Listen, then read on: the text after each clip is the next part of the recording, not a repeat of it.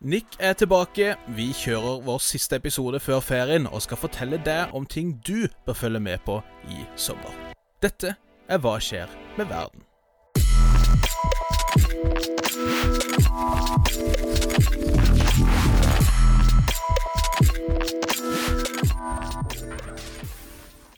Hei og hjertelig velkommen til en ny episode av podkasten Hva skjer med verden? Denne podden for deg som er interessert i det som foregår innen internasjonal politikk, krig, fred og røre et sted midt innimellom der. Mitt navn er som alltid Bjørn Østby, og med meg har jeg som alltid min gode kompanjong Nick Brandal. God mandags ettermiddag, Nick. God eh, mandag, Bjørnar. Det er jo greit å være tilbake igjen etter å eh, ha hatt noen uker fri. der eh, har reist land og strand rundt og eh, sensurert. Det, det glamorøse livet som eh, akademiker. Det er kanskje ikke helt turnébuss, men, men turné blir det i hvert fall. Uansett. Det har jo vært en liten eh, Ja, litt sånn eh, litt, skal vi si, brutt opp i det siste. Litt sånn eh, spesialepisoder her, spesialepisoder der. Og vi, vi, burde jo egentlig kanskje tatt en prat med, med Hilde etter vår USA-episode sist uke. For de som ikke har hørt den, så vil jeg jo ydmykt anbefale å lytte til den, gitt at det har skjedd en, en hel del greier i USA de siste dagene, den siste uka. Vi, vi får ikke gått så mye inn i det nå, men, men hør gjerne på den episoden for å få litt av, bakteppet på alt det som foregår der? Ja, altså vi, vi, kan jo forespeile den, den litt, da, ved å, å si at det, det, interessante ved da denne abortdommen er at den gikk lenger enn dette utkastet som, ble, eh, som en eller annen eh, lekka. Ja. Eh, og, og, at det nå faktisk de har laget Flertallet har laga en doktrine som sier at alle rettigheter som ikke er nevnt i den opprinnelige grunnlova, og som ikke er vedtatt av, eh, av parlamentet, er ikke rettigheter. Altså, du kan ikke legge til rettigheter ut ifra de opprinnelige og si at det ville de ha tenkt på. De må mm. enten ha sagt det, eller så må det ha blitt vedtatt senere. Og Det betyr jo at det er ganske mange, bl.a. rett til uh, homoekteskap, uh, raseekteskap på tvers av uh, raser. Uh, ja, gan ganske mange ting som ikke har blitt vedtatt politisk i USA, men som har blitt da vedtatt av i domstolene nå står for potensielt for fall hvis det kommer en sak til Høyesterett, og de faktisk forfølger denne måten å tenke på. Spørsmålet er jo da om de faktisk mener dette argumentet de nå har framført, og vil følge det i framtidige saker, eller ja. om de, som, som, de faktisk sa nå, dette her er et unntak. Eh, dette her er fordi det er så ny rett. Men det er klart at det, det meste som har med raseskille å gjøre, er også nye rettigheter. Så du kan ikke si mm, at de er godt innarbeida hvis ikke denne er godt innarbeida. Nei. Nei, slettes ikke. Så, så jeg, jeg ville jo ikke tenkt at det er veldig beroligende bare det at de sier at dette er et unntak, for å si det sånn.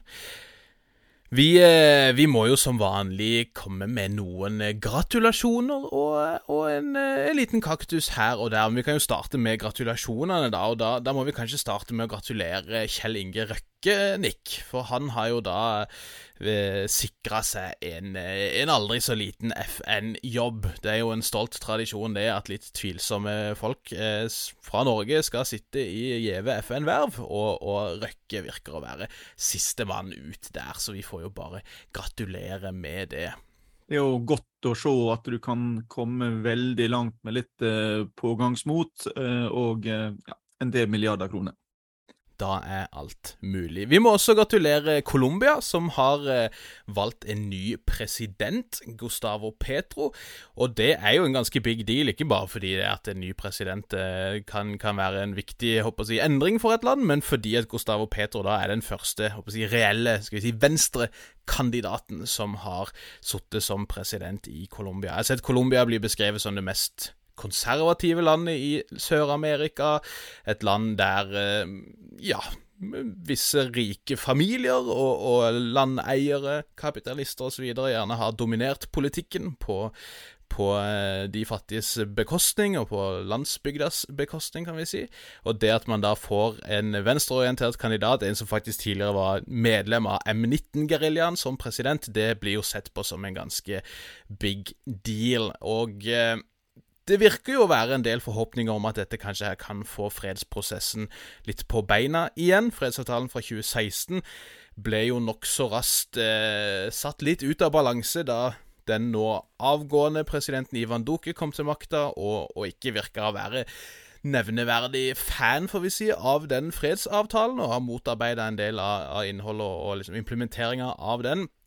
Det virker jo å være håp nå om en endring der, og jeg så den tidligere presidenten, altså som var med i fredsprosessen, Dos Santos, var jo ute og håpte at Norge kunne tilgi Colombia eller noe, at vi, vi, kunne liksom få gang på denne prosessen igjen. Så vi, vi får se, men, men, det er i hvert fall spennende tider på den kanten der. Og Så skal vi ha en liten uh, uenighet her, fordi du begynte jo med å skrive 'kaktus til Belgia', uh, mens jeg foreslo overskrifta at uh, 'har rettferdigheten blitt mindre tannløs'?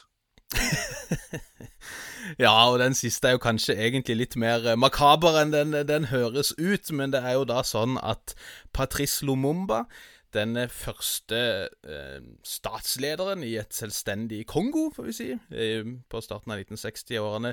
Hans levninger har blitt returnert til hans familie. Og det eneste som er igjen, som man vet om av Lumumba, det er ei tann, eller et sett med tenner, eh, som nå da hans eh, gjenlevende familie har mottatt. og, og i den grad det er en seier for rettferdigheten, så får vi si det er en ganske begrensa uh, seier, men, men, det er jo noe. Og, og, jeg vet ikke om du er Vil du ta litt backstory på Patrice Lumumba, eller skal jeg gjøre det? Altså, Han var, er jo en, en, viktig skikkelse i afrikansk historie pga. kampen for uh, uavhengighet og frigjøringa fra kolonisering. Så det, det, han ble drept i 1961, og eh, det var jo da spekulasjoner om at Belgia var, om ikke involvert, så kunne de ha forhindra det hvis de ville det. Eh, og den går fram til i dag, så, så, han er jo både da, et symbol på de som klarte å frigjøre seg fra kolonimakta, men også om hvordan kolonimaktene fortsatte å, å, å gripe inn og, og forsøke å påvirke i afrikansk politikk. Ja, og det er vel i dag nokså etablert at CIA spilte en rolle i dette her også. Det var vel eh, belgisk støttede separatister som, som tok Lumumba til slutt, men, men visstnok der med en god dose hjelp fra CIA også, da, etter det Det jeg har lest, i hvert fall. Og så er det jo dette med hvorfor skulle få en kaktus for å gjøre noe som ser ut til å være bra. Vel, A. Eh, dette har tatt lang tid. Eh, dette burde vært eh, gjort for lengst. Og eh, B, de forsøksvise unnskyldningene som har kommet her. Eh, først fra den eh, belgiske kongen, Philip, når han var i Kongo for to uker siden. Som da uttrykte dyp beklagelse over lidelsene under kolonitida. Fortolka som i at vi leide alle sammen, vi også. Mm -hmm. I feel your pain, men vi også. og nå sist under seremonien i Brussel på mandag, der statsminister Alexander de Croo ba familier om unnskyldning og snakka om landets moralske ansvar. Men det var litt sånn uklart, liksom. OK, fint det, men dere hadde vel litt mer enn moralsk ansvar her? Ja, og, og, altså, det er vel Det er vel ikke mange stater der ute som har gjort mer skade per, per hode, holdt jeg på å si, enn det Belgia har. Eh, og for de som ikke kjenner så godt til, til belgisk kolonihistorie, da, så, så, var det jo først kong Leopold 2. som gjorde dagens Kongo eh, til sin egen skal vi si, private koloni, før den etter hvert ble tatt over av Belgia, fordi at forholdene var så grusomme. Han spilte jo på at han skulle ende slaveriet i eh, Sentral-Afrika, men eh, estimater antyder jo at så mye som ti millioner kongolesere mista livet under, under kolonitida pga. denne fryktelige utvinninga av gummi, spesielt da, som foregikk under Leopolds, eh, Leopolds styre. Her må jeg jo ta med en liten tilknytning til eh, Norge. fordi det, det fantes jo en norsk Kongo-veteranforening som var aktiv til jeg tror, langt ut på 1970-tallet, i hvert fall. Og eh, jeg har en kollega, Eirik Brazier på Universitetet i Sørøst-Norge, som har jobba med dette arkivet. og Han fant bl.a. en brevveksling fra et eh, jubileum der det ble vist en film fra belgisk Kongo, en dokumentarfilm sånn fra jeg tror må være fra mellomkrigstida en gang. Og eh, Der skriver da formannen til dette medlemmet som ikke var til stede, at eh, når jeg ser denne filmen, er jeg egentlig overrasket over at det overhodet finnes mennesker igjen der nede. Ja. Og, og For øvrig kan vi jo legge til at uh, denne foreninga hadde jo utrensning av uh, NS-medlemmer etter andre verdenskrig. og ble kasta ut av Kongo-veteranforeninga for å ha vært NS. Det er vel omtrent som blir kasta ut av Ku Klux Klan for å ha vært rasist. Ja, det, sier, det, det, forteller en hel del, for å si det sånn, da, om den historien der. Og, og jeg tror nok en del kongolesere, etter det jeg kan registrere, i hvert fall, hadde håpt ja, jeg, jeg, tror ikke de hadde så veldig tro på det, men, men hadde kanskje håpet at det skulle komme en skal vi si, uforbeholden unnskyldning fra den belgiske kongefamilien da de besøkte Kongo nylig. En sånn fullstendig beklagelse, og, eh, og, liksom nå legger vi oss totalt flate og unnskyld for alt vi har gjort. Det ble det jo ikke noe av, og som du sa Det jeg kan lese, i hvert fall, så virker det som en del i sivilsamfunnet der opplever denne greia om at vi beklager lidelsen, at det, det impliserte at her var det to parter som begge leid, og, og det, det, er rett og slett ikke tilfellet, da. Så, eh, og gitt Belgias historie, så de, de slipper litt for billig unna, så jeg tenker det å gi de en kaktus eller tre, det, det er på sin plass. Men det vi tenkte å gjøre i dag, det er jo å eh, rett og slett kjøre sånn våre tips. Vi har valgt tre saker hver, egentlig, som vi tenker at dere, våre kjære lyttere, bør eh, følge med på i sommer. Og vi kunne jo holdt på i ti timer med all verdens greier som dere bør følge med på. Vi har prøvd å samle de opp litt, tre stykk hver, um, som en liten sånn sesongavslutning for i år. Så jeg tenker egentlig vi bare kan rulle i gang.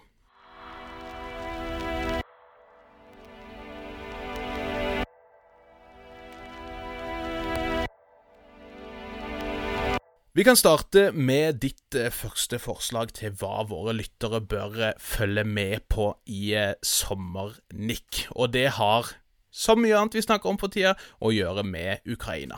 Ja, ja og nei. Det har med Ukraina å gjøre, utvilsomt, og det har med krigen i Ukraina å gjøre. Men det som ser ut som skjer i Øst-Europa generelt, og på Balkan spesielt, er at EU og Nato kjører en sånn two-step-greie der EU går inn og prøver å fylle rommet der Nato ikke kan gå inn av enkelte rom, når det gjelder å knytte til seg nye medlemsland. Og eh, Det mm. første, eller et viktig steg her kom i møte, til møte i EU, eh, e altså ledermøte i EU eh, i forrige uke. Der de nå da offisielt erklærte Ukraina og Moldova som kandidatland. Ja. og det kom også lovnader om at Georgia har en mulighet for å bli kandidatland i framtida, hvis de oppfyller en del krav. Yes. Um, og dette er jo ja, Ukraina og, og, og, særlig Georgia da, er jo land som vil inn i Nato også, men der Nato av, av diverse grunner ikke kan gjøre det. Ja. Um, og eh, altså Både kommisjonen og de ulike statslederne framhever det historiske ved vedtaket, men, men Macron var også opptatt av at eh, politisk så ville det å nekte Ukraina og Moldova muligheter for EU-medlemskap skape et maktvakuum i regionen, underforstått, som Russland kan gå inn i. Altså ja. EU må inn og fylle dette rommet her. Mm. Og så er det jo ikke noen rask vei til medlemskap fortsatt. Eh, dette kan stoppe. Kandidatstatus er definitivt ingen garanti. Eh, og så, så, hva som skjer der, gjenstår å se, men det, det er noe en kan fylle med på. Samtidig så eh, kom jo også Nord-Makedonia sitt eh, medlemskap opp. og her har jo Bulgaria vært den fremste bremseklossen. Ja. Eh, parlamentet har faktisk hatt vet, vedtatt et veto mot medlemskap for Nord-Makedonia, som også har ført til at, at Albania har blitt nekta medlemskap.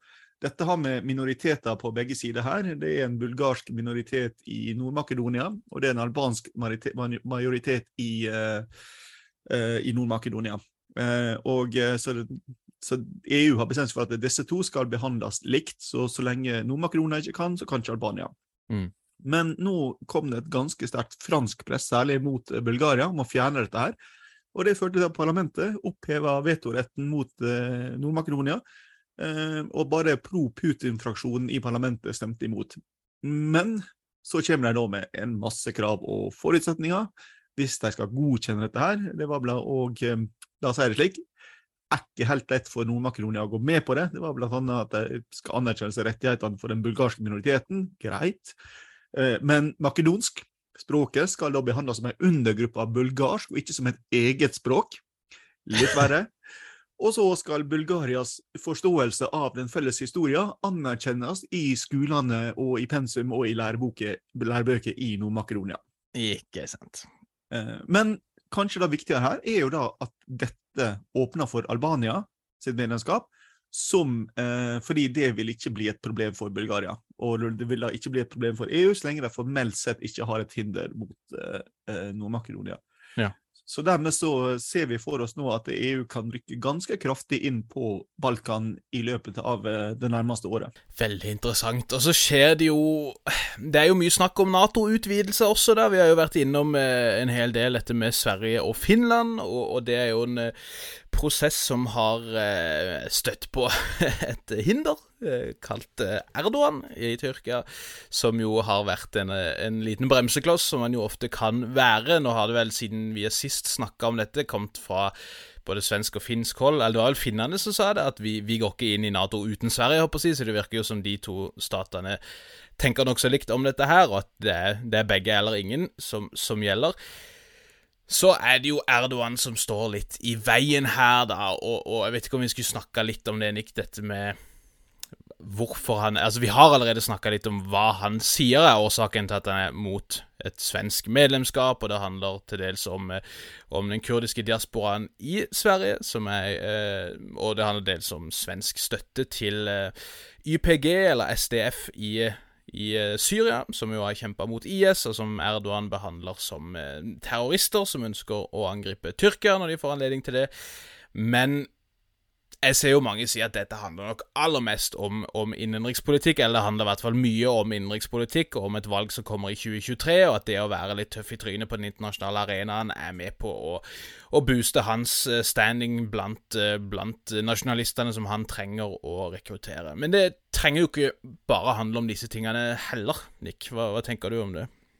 Nei, altså Dette er jo et av de tilfellene der uh, veldig mange hensyn uh, kan gå i samme retning. Og ja. uh, Innenrikspolitikk og utenrikspolitikk og sikkerhetspolitikk. Og vi kan også legge til økonomisk politikk. Mm. Fordi dette handler bl.a. om at Tyrkia ble kasta ut av programmet i denne F-35-jagerflyet. som handler om økonomi, handler om avtaler, det handler om utveksling, det handler om tilgang til teknologi. Vi har vært inne på dette i tidligere sendinger.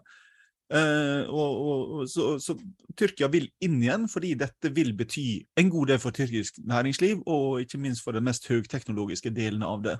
Og Tyrkias økonomi går jo ikke all verdens bra. Ikke i det hele tatt. og så handler det om våpensalg, der bl.a. da Bofors uh, stoppa våpensalg til Tyrkia pga. Uh, Syria. Mm. Og så handler det potensielt om disse her letinga etter olje og gass i Middelhavet, som ligger der. Ikke så direkte kanskje som det andre, men, men det er også en av disse konfliktene der Erdogan vil ha aksept for sitt ståsted. Så han har en masse sånne greier, for å være litt upresis, som alle sammen kan bli måka inn i denne ene saka, der han kan bruke dette som ei vippestang for å få mer sympati. Mm. Tror du det da er retta primært mot si USA, eller mot Tyskland, eller? Altså, det, det her er vi jo vel tilbake til innenrikspolitikken, at eh, Erdogan trenger noe. Ja. Altså, og, og, og, dette kan løses ved at han får noe fra USA, eller han får noe fra Tyskland, eller han får noe fra Sverige. Altså, det er mm. mange mm. muligheter her for å, for å, gi han det han kan trenge for å, å erklære en seier, ja. men, men, det er uklart Bør han få det? Kan han få det? Og, og, og igjen, hvordan skal en da finne denne løsninga på bakrommet? Men la oss gå ut fra at det jobber de ganske hardt med akkurat nå. det tror jeg vi kan anta. Og så er det jo da Vi spiller jo inn nå mandag ettermiddag, men i morgen tirsdag så skal det vel være et møte i Madrid, så vidt jeg har forstått, der Nato skal møtes for å diskutere strategi, blant annet, og, eh, og egentlig da snakke om planen for det neste tiåret. Strategien, hvilke mål man tar sikte på å oppnå i løpet av eh, årene som kommer. Og da har jo generalsekretær Jens Stoltenberg allerede vært ganske tydelig på at de ser for seg en dreining mot øst, at man vil ha sterkere tyngdepunkt i Øst-Europa. Det, det, ser vi jo i og for seg reflekteres også i Norges planer for 2023, som vi skal komme innom snart, med en tilbaketrekning til dels fra Mali og et par hundre soldater som skal sendes til Baltikum etter hvert. Eh, men, eh, men også ting som at man nå da nokså eksplisitt kommer til å definere Russland da som, som hovedtrusselen, som hoved ja, ho hovedproblemet som man trenger å motarbeide da, som, som en eh, allianse. Så det blir spennende å se også der om, om det kommer ut eh, mye nytt der, eller om man vil greie å, å komme lenger i disse medlemskapsspørsmålene også. Vi har snakka om EU, vi har snakka om Nato, og så har vi jo denne gruppen av syv, eller G7, Nick. Hva, hva holder de på med oppi alt dette her? Ja, nei, De har jo møttes i Alpene igjen. Det viser seg at Alpene er et uh, fint sted å være hvis du vil unngå demonstranter og protester. Så um, hipp hurra. Uh, jo, jeg skal ikke nevne statsledere som valgte å legge hovedkvarteret sitt uh, i Alpene på 1930- og tidlig 40-tall, men la nå det ligge. de har jo da møttes i Alpene. og... Um, dette var nok et uh, møte der det har kommet veldig mange sterke statements, uh, men kanskje veldig lite konkret. Det var mer uh, hope and prayers enn faktiske ting som skal gjøres. Mm. De har lova å stå bak Ukraina til the very end, bitter end, eller hva det nå var. nei, de sa vel ikke bitter end, men de, de skal fortsette å forsyne Ukraina.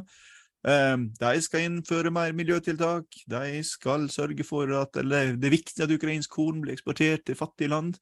Men altså, mest av alt så høres jo dette ut som at de var opptatt av å projisere handlekraft. Um, og så ja. kan du spekulere på om det handler om at de kanskje på kammerset ikke er fullt så enige om akkurat hvordan de skal komme seg dit, selv om de er enige om de målene de skal mot. Ja. Det, det, her er jo motstridende interesser. Og dette så vi jo bl.a. når USA pressa for ytterligere sanksjoner mot uh, Russland. At uh, et av forslagene her, pristak på russisk olje, ble det ikke mulig å få enighet om. Nei. men de fikk igjennom at uh, det skal nå komme sanksjoner mot sånn rundt 500 personer i det russiske samfunnet og russiske statsapparatet som kan knyttes til menneskerettighetsbrudd enten mot Ukraina eller mot den russiske sivilbefolkninga. Og så kom det også da nye sanksjoner mot militær militærproduksjon og mot forsyningskjeder. Eh, til sammen 570 nye russiske produkter er enten på sanksjonslister eller, eller altså har fått straffetoll. da, mm. Med verdi på sånn rundt 20 pluss milliarder kroner, eh, inkludert import av russisk gull. Men så for å kom tilbake til denne uenigheten der, så brukte jo Boris Johnson pressekonferansen sin nede i Bayern til å fortelle om at eh, jo da, de Nord-Irland-protokollvedtak og lova vår, den, den, blir vedtatt, den kjører vi gjennom. Og eh, ja da, vi sender fortsatt folk til Rwanda, liksom, så det, det er mer noe uenighet å ta, ta i. Så ja. Og hvis denne trenden fortsetter, så er det vel bare et tidsspørsmål før det blir en sånn ny Band-Aid-versjon av Imagine eller et eller annet eh, grusomt, Nick. Så jeg er bekymra for, eh, for fremtida vår. Men det kan jo hende at det blir snø i Kiev, da. I motsetning til For de som har hørt på oss en stund, så har dere jo sikkert hørt uh, Bjørnars rant om Do They Know It's Christmas Time. Det stemmer, det stemmer. Og jeg tror ikke jeg har uh, emotional bandwidth, som de sier i USA, til å ta opp uh, den saken igjen. Men det vi kan gjøre, er at vi kan jo dra til nettopp Afrika, som det snakkes så mye om, når uh, det er min tur til å velge et sted du skal følge med på. Og, og jeg har jo gått lovlig bredt til verks her, men jeg mener jo at våre kjære lyttere bør holde et øye med Vest-Sahel, skal vi kalle det det. Ofte så kaller man jo Vest-Sahel-Sahel, men, men, det mer presise er vel å si Vest-Sahel når jeg skal snakke litt om Mali og Burkina Faso spesielt. da. For det, det skjer eh, veldig mye på de traktene for tida. Både håper jeg, av skal jeg si, mer storpolitiske endringer, i og for seg, men også når det gjelder trendene i de, disse transnasjonale konfliktene som pågår i denne regionen, og, og i dette grenseområdet mellom Mali, Niger og, og Burkina Faso spesielt. og, og noe av trøbbelet der henger jo til dels litt sammen også med, med Ukraina-krigen, kan vi jo prøve å komme inn på. Men det som har vært nokså påfallende de siste ukene og månedene, er at hvert fall hvis vi ser på statistikken over antall angrep og antall mennesker som blir drept, så har Burkina Faso på mange måter blitt det nye skal vi si, episenteret for krigføringa i denne regionen. Mye av dette her kan jo spores tilbake til Mali i 2012, som siden kan spores tilbake til borgerkrigen i Libya og, og Gaddafi-regimets fall, for så vidt. Men siden 2017 så har det jo blitt stadig flere angrep og stadig større områder hvor jihadister opererer i Burkina Faso. Og for folk som ikke kjenner så godt til regionen, kanskje, så, så tenker man kanskje ikke så mye over det. Det er lett å få en sånn business as usual-holdning til nyheter om konflikter i Afrika, har jeg inntrykk av. Men Burkina Faso var jo lenge kjent for å være ganske stabilt og, og skal vi si, fredelig land i regionen. Lite indre motsetninger sammenlignet med flere av sine naboer. Det har endra seg ganske dramatisk i det siste. Og det har jo kommet fryktelige rapporter de siste ukene om, om angrep mot sivile, hvor, hvor, man ikke vet ennå, tror jeg, hvor mange som har blitt drept, men jeg har hørt tall opp i 200 sivile som ble drept i ett angrep nylig, blant annet. Eh, ett av et langt, langt, langt eh, antall, å si, med, med angrep mot sivile i regionen. Noen av de ble angrepet av denne paraplyorganisasjonen kalt Jenim, som består av forskjellige jihadister i regionen, som har sørga troskap til Al Qaida. Andre angrep er det IS i Stor-Sahara, eller ISGS, som står for. Og det at ting går stadig verre i Burkina Faso, er jo også nokså slående, gitt at dette kuppet som ble gjennomført en tid tilbake, ble jo gjennomført av soldater, som de jo ofte gjør, som mente at de kunne stå imot disse jihadistene langt bedre enn det sittende regimet eh, evna, og at de da skulle gjen, eh, gjenetablere kontroll. Det har de slettes ikke lyktes med, men dessverre så ser det ut som man ser en lignende trend i Mali, at når juntaen tar over, så er de villige til å ty til ganske så voldsomme midler. Og nå nylig så har juntaen da i hovedstaden Ouagadougou bestemt seg for å etablere militære soner i nord, og sagt at folk som bor her, sivile som bor her, de må rett og slett bare flytte og komme seg vekk, for i disse områdene så kommer vi til å drive kontraopprør, og da er det ditt ansvar som sivil å ikke havne i kryssilden. Og for de som har lest et og annet om eh, forskjellige stater og imperier som har prøvd å drive kontraopprørskrig på denne måten her, så vet de jo kanskje det at dette her er jo oppskriften på hvordan du ikke lykkes med kontraopprørskrig, for å si det mildt. Eh, Les f.eks. litt om Vietnam, om du ønsker å se hvordan de greiene der fungerte for amerikanerne. Um, det er også eh, rapporter om fryktelige angrep som har foregått i Mali i det siste. Senest for en drøy uke siden så var det 132 sivile som ble drept i et angrep som visstnok da Jenim, eller en av fraksjonene i Jenim, skal ha stått for. Det er rapporter fra FN-hold om at juntaen i Mali har stått for eh, et stadig voksende antall menneskerettighetsbrudd og overgrep. Fra jeg tror det var 30-talls um, Human Rights Violations, skriver FNs operasjon i landet MINUSMA, så det er litt uklart hva det er. Men det var 31 sånne som ble rapportert siste kvartal i juli. Over 300 slike i første kvartal i, eh, i 2022. Så, så det er Det er ganske Det er en ganske eksplosiv økning av overgrep fra statlig hold, også antagelig hånd i hånd da med denne Wagner-gruppa som nå opererer i stadig større områder av Mali. Eh, det er i det hele tatt en del som skjer nå som franskmennene for alvor begynner å trekke seg ut av Mali. Vi har snakka mye Eh, vi har snakka veldig mye om dette her, om at Frankrike ikke er ønska lenger i Mali og har beslutta å trekke seg ut gradvis. Det anslås nå, ser jeg, at franskmennene skal være ute i august. Og etter hvert som franske styrker forlater forskjellige baser, så kommer da russiske leiesoldater og inntar disse, sånn som vi også har sett i områder i Syria, hvor amerikanske soldater trakk seg ut for et par års tid siden. Og dette skaper jo en del hodebry, eh, det at franskmennene trekker seg ut. Det skaper mye hodebry for FNs operasjon i området, MINUSMA, som jo har fått fransk luftstøtte. Franske angrepshelikoptre har kunnet bistå FN-konvoier med luftstøtte i de mest konfliktherja områdene i Nordøst-Mali.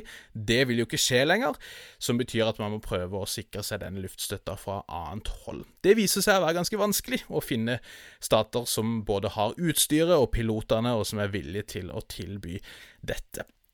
Og det kommer til å by på, by på en del hodebry framover. For der Tyskland har vist seg nokså villig, ser det ut til, til å fylle noe av vakuumet etter franskmennene. De skal sende inn sånn som 1400 soldater til MINUSMA for å bidra med eh, medisinske evakueringer, f.eks., og for å drive med en del logistikk. Så virker det jo som både Tyskland og Storbritannia stiller seg ganske nølende til å bistå hvis de ikke får garantier om at det vil være luftstøtte. Det ser ikke ut til å være en luftstøtte de, de sjøl har anledning eller lyst til å bidra med. Eh, og det har i hvert fall vært litt rapporter de siste ukene om at både Tyskland og Storbritannia neppe vil bidra stort dersom ikke dette her kommer på plass. Så vi må jo anta at det jobbes i eh, høygir for å få ordna disse tingene enn så lenge. Og Franskmennene har jo også stått for driften av en av de militære flyplassene i nordøst i Mali, der mange av disse evakueringene har foregått fra osv. Det er ennå ikke avklart hvem som skal drifte den, så det er en del sånn kjedelige logistiske ting der som rett og slett er litt oppe i lufta. Og I tillegg så utløper jo dette mandatet som MINUSMA-operasjonen baserer seg på 30.6 i år. Det er foreløpig ikke fornya. Det er forhandlinger nå i Sikkerhetsrådet.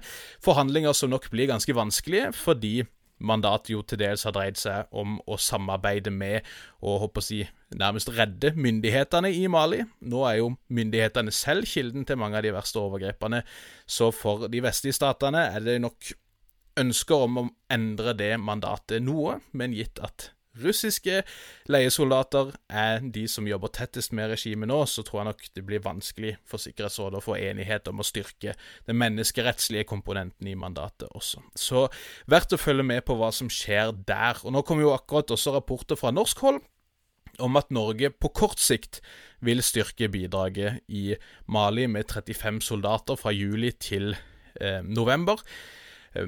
For å bevokte denne her Camp Bifrost-leiren som norske soldater har, har, vært på. Det virker som den etter hvert skal legges ned. Fra neste år av så har eh, myndighetene vært ute og sagt at Norge kommer til å avvikle eh, sitt bidrag til denne rotasjonsordninga. Det har jo vært et Hercules-fly som Norge har hatt personell til å bemanne og drifte. Det blir det slutt på, og Norge skal i stedet sende et par hundre soldater til Baltikum, som vi nevnte tidligere. Så det er mye som skjer på de traktene der, og dessverre ganske eh, lite av gode nyheter. Bare for å ta det, i Burkina Faso er det jo stadig flere mennesker som blir drevet på flukt av krigføringa. Det er allerede to millioner internt fordrevne i en befolkning på litt over 20 millioner. Dette skjer samtidig som det blir stadig vanskeligere å få eh, finansiert og få tilgang til eh, nødhjelp, matforsyninger osv. Så, videre. så situasjonen er på mange nivåer veldig, veldig sårbar, og, og mye kan skje også i sommer på de kantene. Din, eh, din, neste sak vi bør følge med på, Nick, det er Belarus. Hvorfor bør vi følge med på akkurat Belarus i sommer, tenker du? Nei, Det skjedde jo um, litt uh, i um, ja, Om det var i forbindelse med at uh, Lukasjenko var i St. Petersburg for å møte Putin eller ikke, er litt vanskelig å si. Men um, det ble fyrt av raketter fra uh, belarusisk territorium mot Kiev. Og dette er jo ei opptrapping av krigen, selv om det da var fra russisk hold det ble avfyrt.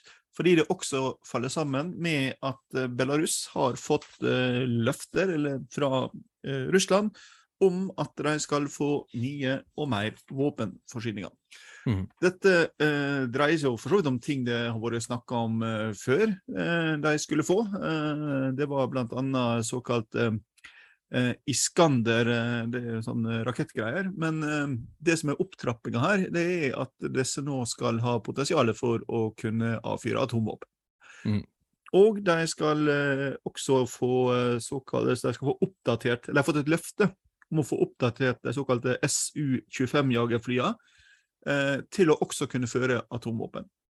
Vi husker jo tilbake til at uh, den uh, belarusiske grunnlova hadde forbud mot atomvåpen, og så var det folkeavstemning nå for et uh, par måneder siden som fjerna dette forbudet, slik at nå kan man ha atomvåpen i Belarus. Og dette er jo da utvilsomt ei opptrapping fra Russlands side. og så er det jo spørsmål om er dette et svar på at Nato har begynt å snakke om å flytte atomvåpen eh, nærmere Russland, altså utstasjonere i Øst-Europa? Eller, det, eller, handler det om Ukraina og en trussel om å bruke atomvåpen der?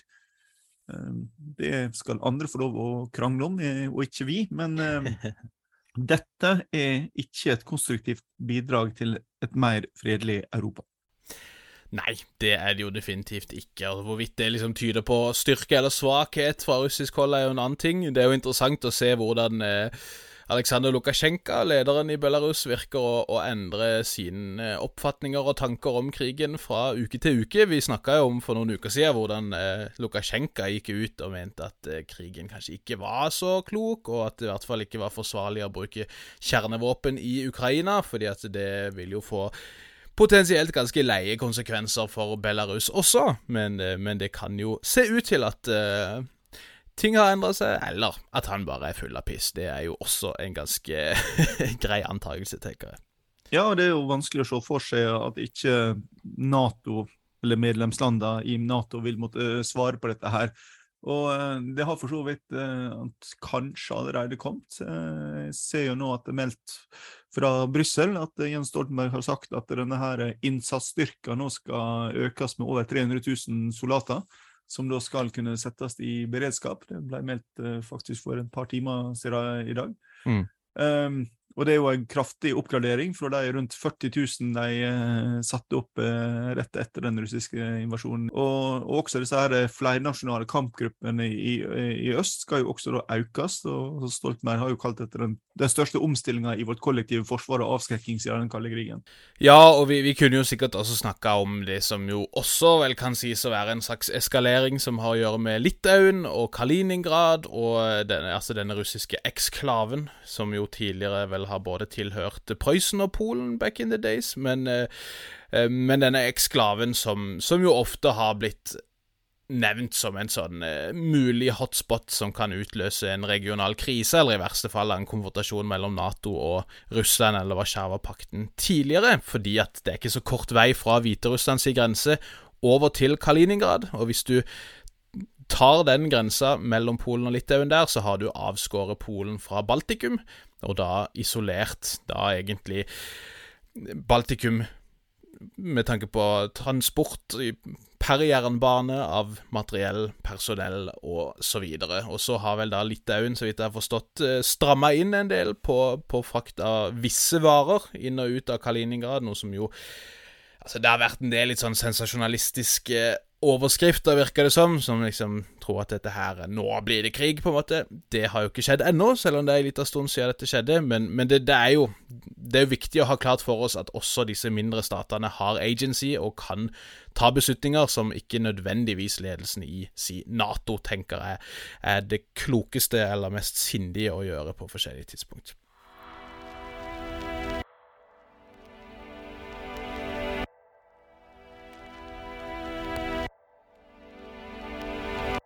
Jeg har jo igjen da så klart valgt noen Afrika-greier, siden det er et uh, kontinent som jeg syns det er viktig å følge med på. Og, og, da tenker jeg at jeg vil anbefale også å følge med på litt forskjellige greier, som vi sier, i, i Øst-Afrika, eller litt avhengig av åssen du ser det, Sentral-Afrika, om du vil. Og jeg har jo igjen lyst til å slå et lite slag først for uh, at folk bør følge med på denne krisa mellom Rwanda og Kongo. For som jeg nevnte i en eh, pod for noen uker siden, så er det grunn til å være nokså urolig hvis det er krise og snakk om krig potensielt mellom Rwanda og Kongo. Det er det fryktelig mange mennesker som har måttet lide for og miste livet til når det har skjedd tidligere. Og, og denne krigshissinga og den krasse retorikken mellom Rwanda og Kongo den lever i beste velgående, dessverre, mye av dette M23-opprøret som foregår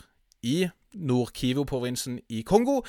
En eh, opprørsgruppe som i stor grad er mobilisert av eh, tutsier, etniske tutsier, som jo da til dels pga. deres eh, etnisitet klandres da for å være støtta av Rwanda, som jo ledes av Paul Kagame, eh, som er en tutsi, og hans parti, som jo før i tiden da var en opprørsgruppe som langt på vei var mobilisert rundt um, tutsi-etnisiteten. Um, det virker jo å være ganske klare linker, selv om altså Det, det er litt vanskelig å, å, navigere diskusjonene rundt M23 og linken til Rwanda, for det er dessverre veldig mye hatretorikk og krigshissing blant en del kongolesere og kongolesiske politikere for tida. Veldig mye fryktelig retorikk mot rwandisktalende kongolesere, som, eh, som maner nærmest til regelrett folkemord mot disse.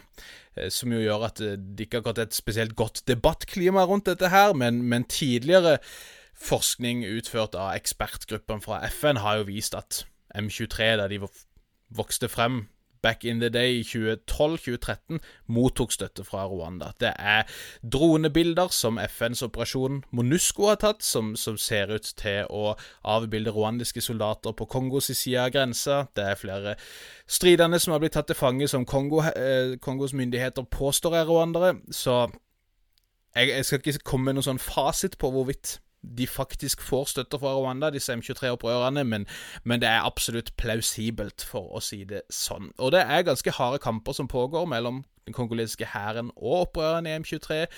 Som de har gjort før, da de var på sitt sterkeste, så har de igjen tatt kontroll over en eh, militærleir i Nord-Kivu, den største militærleiren, eh, Bonagana, som ligger rett på grensa til Uganda. De har også tatt Grenseovergangen der høres det ut som en grenseovergang som de før da har tjent enorme summer på å kontrollere, fordi de kan skattlegge alt som kommer inn der, om det er nødhjelp eller Coca-Cola-flasker eller hva det måtte være.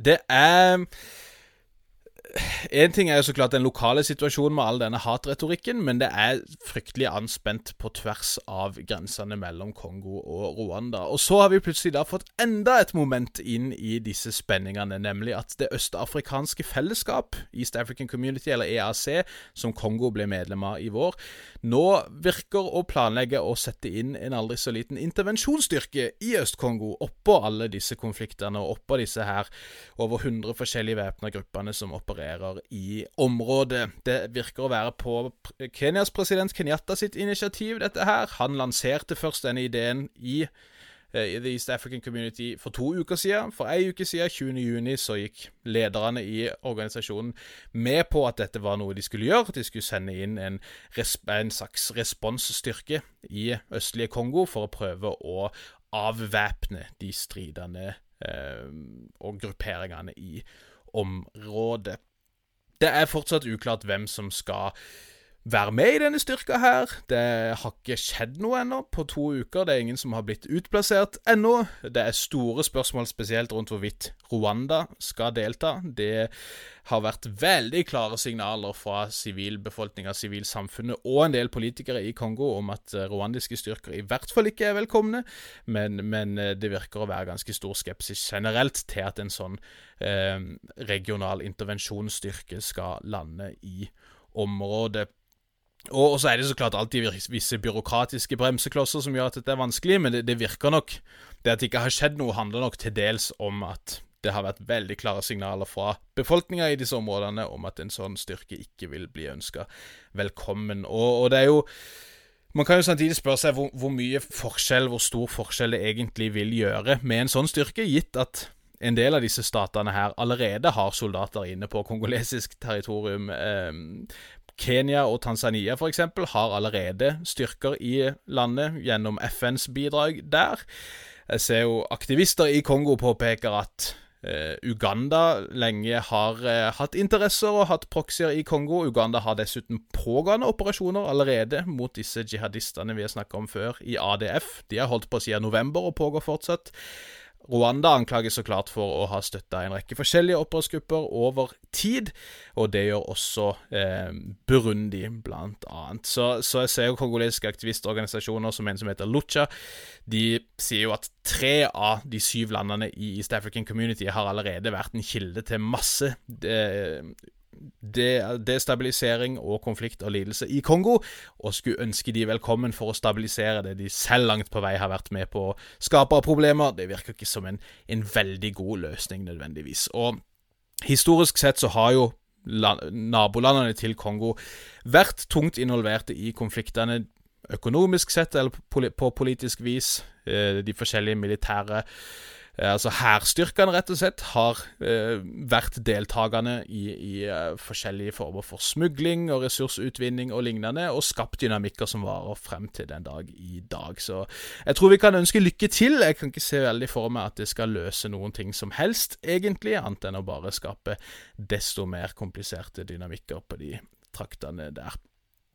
Vi kunne så klart også snakka masse om at det er en fryktelig tørke- og sultsituasjon som pågår eh, altså i, i, store deler, altså både i Sahel og, og i Øst-Afrika, men spesielt på Afrikas Horn. Og dette går jo Samtidig da hånd i hånd med at det er vanskelig å få tak i nok mat, rett og slett, pga. situasjonen i Ukraina og, med Russland. Og det er også fryktelig vanskelig, viser det seg, å få nok penger til å finansiere denne nødhjelpa. Og sånn som i Sør-Sudan, hvor en tørke holder på for fullt, så har eh, Verdens matvareprogram gjentatte ganger da skalert ned og liksom suspendert mer og mer av sin, eh, sin nødhjelp og sitt arbeid. Fra å måtte dekke eh, inntaket av næring til over ja, var det 7-8 millioner i starten, så har man skalert ned, ned og ned og ned til det bare er noen få millioner igjen som man i det hele tatt prøver å hjelpe, og selv det er det vanskelig å få finansiert.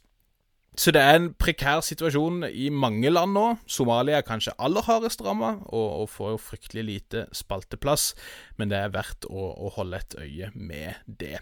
Skal ikke snakke så mye om det nå, men det er jo også snart valg i Kenya i august. Og for de som har fulgt med litt på kenyansk politikk, og er blant de som har har fulgt med litt, og ikke spesielt mye, så, så har jo valg der ofte båret med seg en del politisk vold, til dels langs etniske linjer, så det er jo mye spenning knytta til dette valget, kanskje spesielt fordi at det ser ut til å kunne bli et veldig jevnt valg. Det er en litt en interessant situasjon hvor den sittende, avtroppende presidenten, Uhuru Kenyatta, i stedet for å støtte sin egen visepresident, William Roto, faktisk har stilt seg bak sin eh, mangeårige rival Raila Odinga, som skaper en del interessante dynamikker og en, en eh, en ganske interessant maktkamp, får vi si. Så man jo må håpe at det kan gå fredelig for seg, men, men, det vil nok tiden vise. Eh, jeg tror også vi bør nevne helt avslutningsvis i akkurat denne bolken at uh, det er ikke sikkert folk har fått lest så mye om det. Jeg har sett Bistandsaktuelt har dekket det, men det pågår jo et og annet også i områder hvor mange nordmenn drar til, i Tanzania, nemlig i nærheten av dette Ngorongoro-krateret, som mange drar på safari. Der driver nå tanzanianske myndigheter og, og regelrett kaster ut eh, Masai-befolkninga der fra et eh, område som heter Loliondo, som ligger like ved disse safaritraktene, fordi at eh, myndighetene har leasa svære områder her til eh, selskaper fra De forente arabiske emiratene som skal drive med eliteturisme og ha, skape nye, svære jaktreservater. Da. Og Dette går vel egentlig helt tilbake til 90-årene, men har nå blitt eh, ganske mye mer betent, fordi at det for kort tid siden da ble gjort vedtak for å markere opp til 1500 kvadratkilometer som da game reserves som rike turister skal kunne bruke. Områder der det da bor mange tusen masaier. Og, og Amnesty har gått ut nå og advart om at så mye som 70 000 masaier kan bli tvangsflytta, mer eller mindre. Myndighetene sier så klart at dette er helt frivillig, men det har vært flere trefninger, noen av de dødelige, mellom politistyrker og masaier der. Og dette er jo dessverre litt av baksiden av medaljen, med en del konserveringsarbeid og med safarivirksomhet også, at det er jo ofte urbefolkninger som bor i disse områdene, og som ikke har så veldig mye de skal ha sagt, dessverre, når disse områdene skal brukes til, til andre former for inntektsskapende aktiviteter, hvis vi kan si det på den måten. Din, uh, siste, din siste, sak vi bør følge med på, Nick, hva, hva, har du valgt der? Det er jo en av våre lange følgetonger som har pågått lenge, og ja, den kommer jo til å fortsette lenger også. Uh, vi skal til Libanon igjen. Yes. Og der har de funnet en ny statsminister som skal prøve å danne regjering. Og det er for så vidt den gamle statsministeren som har forsøkt å danne regjering tidligere, Najib Mikati. Det er altså da fjerde gangen han skal ta regjering, og den siste var jo i september i fjor, som vel satt til en annen gang eh, litt over jul. Eh, det er jo da, for de som ikke husker, en 66 år gammel milliardær. Ifølge Forbes er han Libanons rikeste mann. Han driver bl.a. i telekommunikasjon, der han har hatt tette forbindelser til regjeringa i Syria. Og han har hatt gjentatte beskyldninger om korrupsjon, og det er faktisk en pågående tiltale om korrupsjon. Så um, dette høres jo veldig, veldig lovende i en vanskelig politisk situasjon. Eh, Libanon hadde jo parlamentsvalg 15. mai, og eh, der eh, tapte jo da Hezbollah majoriteten sin, eller Hezbollah og dets allierte. Mm. Eh, men de, eh, de, er fortsatt den største fraksjonen.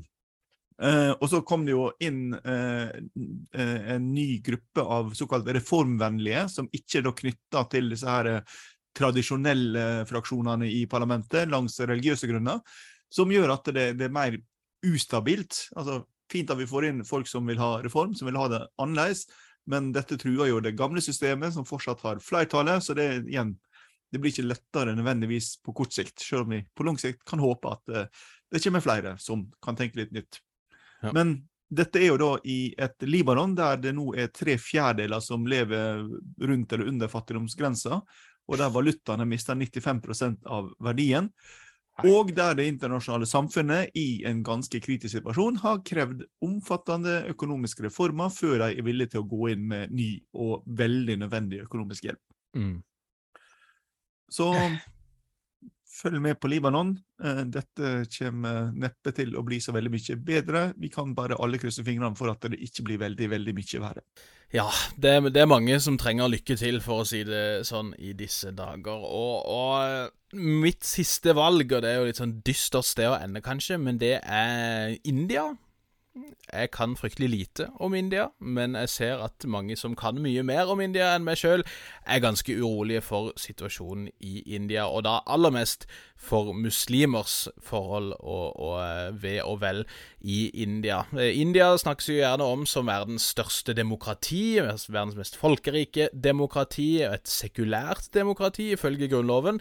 Men i disse dager, under Narendra Modis eh, lederskap, så virker det å bli eh, mindre og mindre sekulært og mindre og mindre demokratisk, dette India, som lenge har vært kjent som et sekulært demokrati. Og eh, vi kan jo starte litt med det utenrikspolitiske. Det har jo vært ja, tilløp til diplomatiske kriser, kan vi vel nesten si, mellom eh, India og en rekke islamske stater, og da Gullforrådet, Organisasjonen for islamsk samarbeid, blant annet, etter et par eh, høytstående figurer i regjeringspartiet BJP, og da spesielt en tidligere talskvinne som nå er blitt avsatt, ei som heter Nupur Sharma.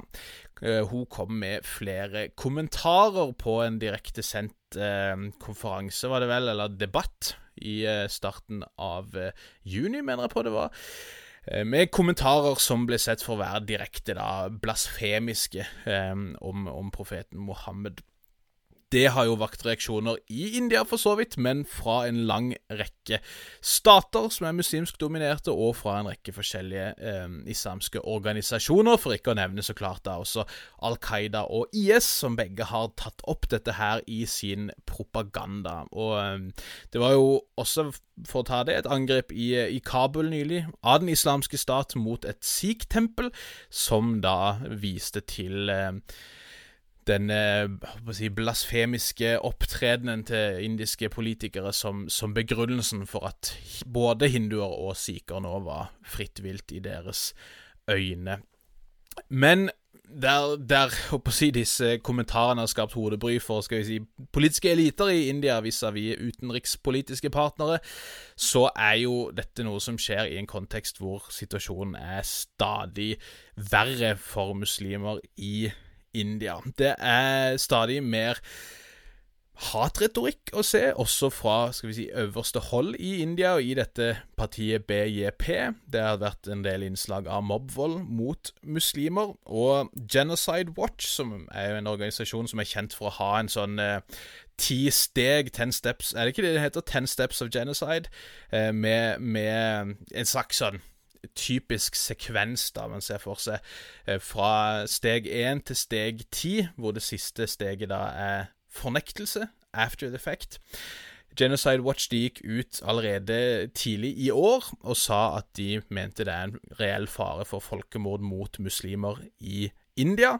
Ifølge deres nettside nå så er India på stadium fem, som da er organisering, og, og, de mener da at det er grunn til å tro at forskjellige hindunasjonalistiske organisasjoner mer eller mindre da forbereder massevold mot muslimer. Og Grunnen til at de sier det, er jo til dels at man har sett en rekke innslag av regelrett dødelig vold mot muslimer, men også at man har sett en del politiske bevegelser og endringer i eh, seinere år som, som, tyder på en, en klar diskriminering og klar og diskriminerende politikk mot muslimer fra myndighetene selv. Og det, det, er mange innslag av dette her. Et innslag som typisk trekkes frem, er at Kashmir, som er do, muslimsk dominert, eh, og som jo er et område som er omstridt, og som, eh, som ligger i grensene mellom India og Pakistan, det området har hatt en spesialstatus fra indisk hold og har hatt en ganske stor grad av selvstyre. Det mista de i 2019. Den spesialstatusen ble fratatt. Området var isolert veldig lenge. Det var nedstengning av internett som varte i to år, mener jeg på. Men dette her skjedde jo også samme år som en ny borgerskapslov ble innført, der India sa at både papirløse og religiøse minoriteter fra naboland kan søke om å få innvilga statsborgerskap i India, så fremt disse ikke er muslimer. Så muslimer var liksom den gruppa, den religiøse gruppa som ble holdt utenfor her. I tillegg så har det vært flere tilfeller med svære samlinger for eh, disse høyreekstreme hindunasjonalistene i en diger en senest like før jul, med, hvor, hvor forskjellige lederskikkelser har eh, eksplisitt mana til vold mot muslimer. De har snakka om at folk må forberede seg på å drepe og gå i fengsel for å bli kvitt dette problemet. Man skal gjøre India til en ren hindustat.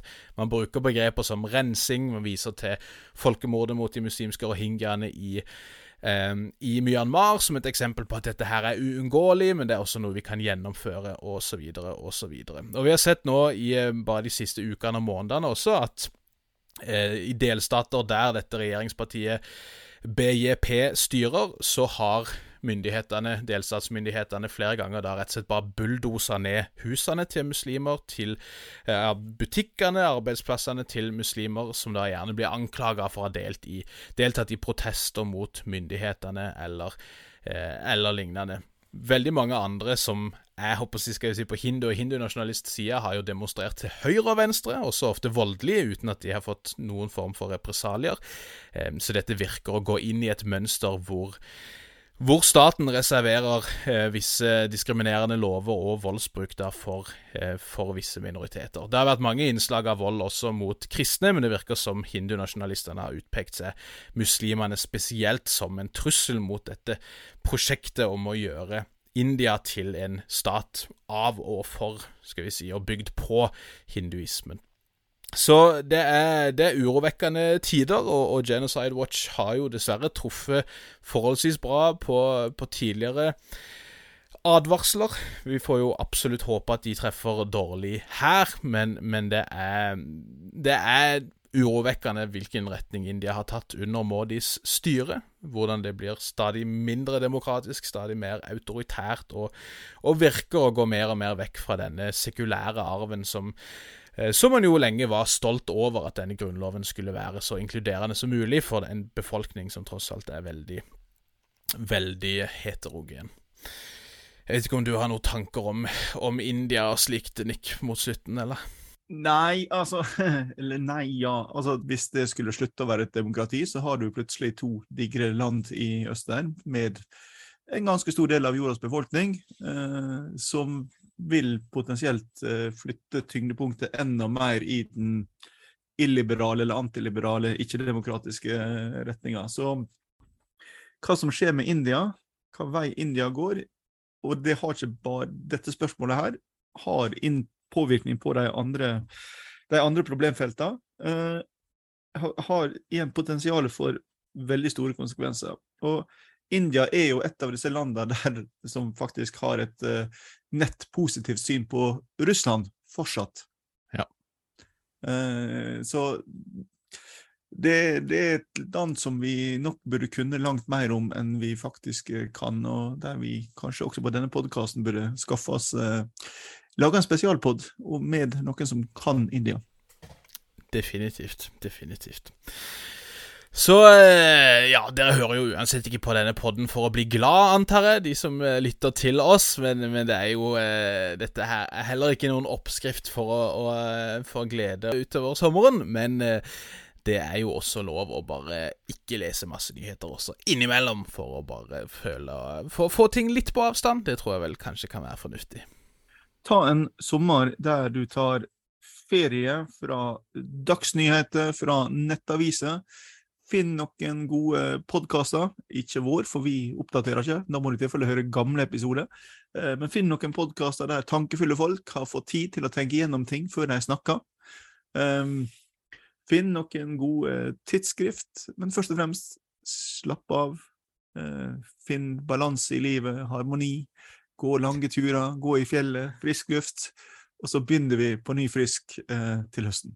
Wow, wow, wow. Det, det er ord man kan eh, leve på, får vi si. Og eh, vi, vi, har ikke satt helt sånn dato for når vi kommer tilbake. Vi får se litt. Det er alltid litt hektiske oppstart. Vi har jo tross alt en, en skikkelig jobb også, eh, så eh, vi, vi, får se litt til vi er tilbake. Men vi kommer tilbake, så mye kan vi si. Vi har jo allerede avsøkt at vi skal prøve å få til en ny serie med Hilde Restad om amerikansk politikk på vei mot kongressvalg midterms i, i november.